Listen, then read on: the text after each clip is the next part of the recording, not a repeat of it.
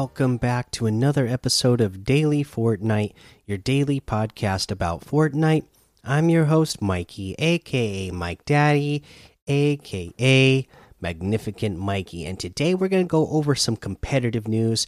Later on the week, we'll go over the creative update and the Save the World update, so make sure you're subscribed so you don't miss those. But today, we're going to go over the competitive update since we're starting the competitive season. Uh, so let's go over uh, what we have. Uh, the info that we have about that. Fortnite Chapter 2 Season 8 Competitive Update. Hey, competitors, with the competitive season starting today, which was yesterday, uh, we wanted to talk through a few updates to Arena and mention our competitive surveys that will be arriving sometime next month. Let's dive right into it. Arena changes. As mentioned in our Chapter 2 Season 8 competitive blog, we wanted to change Arena scoring to allow a more rewarding experience for players who reach Champion League. We've made a few adjustments to hype accumulation based on your current division. Eliminations are valued more at lower divisions, and we've increased the bus fare amount starting in Contender League to make crossing the threshold into Champion League slightly more difficult. An additional feature added to Arena this season demotion. If the bus fare brings your hype down a division, that will be the division you're currently ranked in. To accommodate these changes, we've made small adjustments to matchmaking. Lastly, we've turned off Arena Fill in standard Battle Royale arena modes. Late game will still feel will still fill. we appreciate everyone who decided to test it out. We are currently evaluating the changes of player behavior with data and going through your feedback before deciding whether Arena Fill may return. And the player behavior is going to be a big part of that. Again, a lot of games throughout my lifetime, going to the time from when I was a teenager uh, till now. So for like the last, you know, 20 years, uh, I've seen a lot of really good games killed because of online behavior of the players of that game people who are supposed to be fans of that game uh, just treating people horribly uh, and those ga games die because of that sort of behavior Okay, so uh, if you are somebody who actually wants arena fill, or and you've been a fan of uh, the idea of having arena fill, then uh, please uh, treat people respectfully that you end up in a match uh, with. And hopefully, everybody that you end up in a match with will be treating you respectfully as well. Uh, let's see here.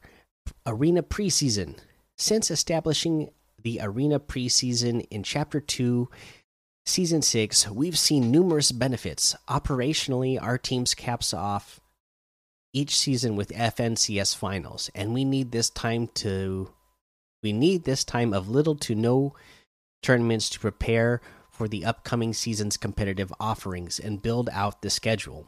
Season 7, we held the All Star play in during the preseason, and it was a large part of why we kept preseason going, so champion level players could compete in the event. The preseason also allows players to understand and experience the new items, features, and weapons that come with each new season without large prized competitions. Finally, these two weeks allow us the opportunity to prove out items we believe would be problematic in competitive playlists and establish a competitive loot pool before the competitive season begins.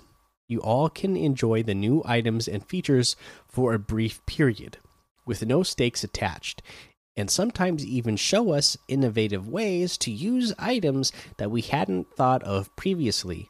The only exception is our performance evaluation tests that run in the NA East region, sometimes during the preseason. These are necessary to gather better performance data for each patch and are only available in NA East due to the specialized server restraints. Competitive surveys. We want to hear more from you. We'll be sending out a competitive focus survey to select players in the coming months. We'll be looking for your feedback on a wide range of competitive topics. If you'd like to participate, make sure you've opted in to receive emails from Epic Games products for your Epic Games account. You can opt in on the Epic Games website or go through the Epic Games launcher by clicking your profile account and choosing Manage Account. This will take you straight to the website linked above. From there, you'll need to click on Communications and check the box that says Yes, email me about Epic Games products, news, events, and promotions. We plan to continue issuing surveys past next month, so make sure to stay opted in past October if you'd like to receive more surveys from us. That covers everything for this update. Good luck in the Chapter 2 Season 8 competitive season. And uh, yeah, there you go. That is their update about what's going on with competitive in general this season. Let's get a little bit more specific and cover this uh, little uh, PlayStation Cup that they are going to have. So, this is a new Fortnite PlayStation Cup starts on October 2nd. PlayStation players get ready. Fortnite has partner, partnered with PlayStation to bring players uh, the Fortnite PlayStation Cup. This PS4 and PS5 exclusive tournament is an opportunity to compete for a share of $113,400 in October and $113,400 again in November. The first cup kicks off this Saturday, October 2nd, so jump into Arena to practice. Check the in game compete tab to find where your region's Fortnite PlayStation Cup begins. Only eligible Players on PS4 or PS5 consoles can participate in the Fortnite PlayStation Cup. The tournament is a solo competition with two rounds. Round one is an open competition where you'll have three hours to play a maximum of 10 games and earn as many points as you can. Only the top 100 players in each region will advance to round two. Round 2 consists of six total matches. The top performing players in round 2 will earn a prize in each region. See the full pricing breakdown below. We're not going to go over the full pricing breakdown, uh, but you can see it for yourself uh, if you go look at this blog and you could see how much you could get, whether you get first place all the way to like. Uh, depending on your region, I guess 64th place or 20th place. Uh, players in Japan are not eligible to participate in the Fortnite PlayStation Cup. The point format is structured to give a healthy balance of points for eliminations and placement for round. One in round two, with a single lobby of players, eliminations are worth two points instead of one. Uh, and then they have the point format here as well, which you can look up. And they say, among other requirements, players must have two factor authentication enabled on their Epic account and have an account level of 30 to participate. You can check your account level information on the career tab in game. For compete complete details and eligibility requirements on the Fortnite PlayStation Cup, please read the Fortnite PlayStation Cup rules. All right, there you go. And that is the news for today. Let's go ahead and take a look at what we have uh, featured in our LTMs today. Looks like we have uh 250 level supernatural death run comeback 999 levels death run pro red versus blue bounty pirate party games track pursuit uh, 100 red versus blue rumble uh, we have tilted zone wars floor is lava uh, Pro Red versus Blue Bounty. We said that one already. Battleground all. Let's see here. Battleground all weapons and vehicles.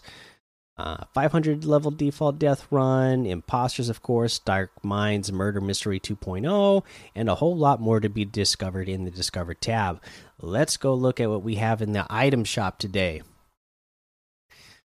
Uh, we have the uh, Balenciaga items still here, Venom items still here, and uh, there are a ton of wraps. I'm not going to go over all of the wraps that are in here today because it looks like there's a lot. The wrap, the wrap outfits must be out again.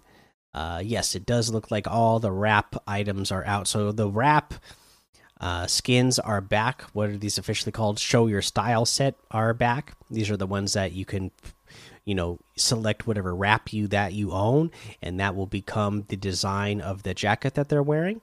So that's really cool. I know that uh, people like Dusky in the Discord are, uh, you know, absolutely love this, and I gotta say they do look cool, and the way the wraps end up on the jacket, like they didn't just go, "Hey, uh, this wrap."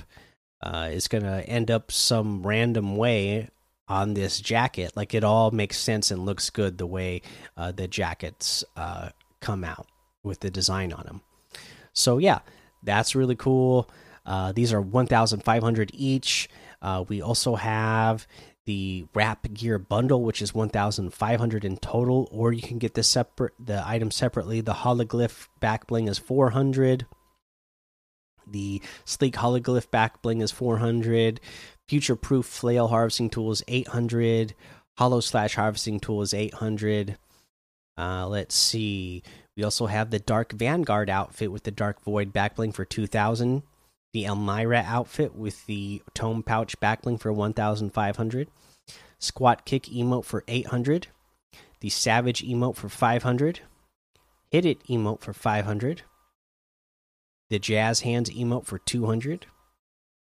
We get the Victoria Saint outfit with the Slayer's saddlebag backbling for 1200. Stake and Stalker harvesting tool for 500. Toy Trooper outfit for 800. Plastic Patroller outfit for 800. The Toy Soldier wraps for 400 in total. That's the green toy, gray toy, and red plastic wraps. The Sandstorm outfit for 1200 scimitar outfit for 1200 the emblem wrap for 500 the chrono contrail for 400 uh, and then we have bryson dechambeau's locker bundle. Okay so we got the locker bundle of a golf superstar right? So of course it includes the bogey basher outfit with the dab emote the Knockwurst harvesting tool and the dual defiant glider this all comes together for two, for 1,800. That's 1,100 off the, the total. You can get them separately. The Bogey Basher outfit is 800. The Dab Emo is 500. The Knockwurst Harvesting Tool is 800. And the Dual Defiant Glider is 800. And that is everything. So you can get any and all of these items today using code Mikey M M M I K I E in the item shop, and some of the proceeds will go to help support the show. Uh, let's see here. That's all I'm going to have for you today. Super late day for me at work. Just remember that you have those chug splashes. You know, make sure uh, that when you get those chili chug splashes, that you are taking full advantage of them by splashing your entire team, right? Because you want everybody on the team to not only get that health and shield, but imagine a lot of times people have a hard time you know dealing with one person with the speed boost but if you have a full squad if you're playing squads and you have four people with the speed boost going after another team they are going to be th so thrown for a loop that uh, they're not going to be able to stop you. So make sure that you're taking full advantage of these and not just using it for yourself. It has a splash effect for a reason, so that you can make sure that everybody in the team has it. So make sure you do that. All right, that's the episode. Make sure you go join the daily Fortnite Discord and hang out with us. Follow me over on Twitch, Twitter, and YouTube. Head over to Apple Podcasts, leave a five star rating and a written review for a shout out on the show. Make sure you subscribe so you don't miss an episode. And until next time, have fun, be safe, and don't get lost in the storm.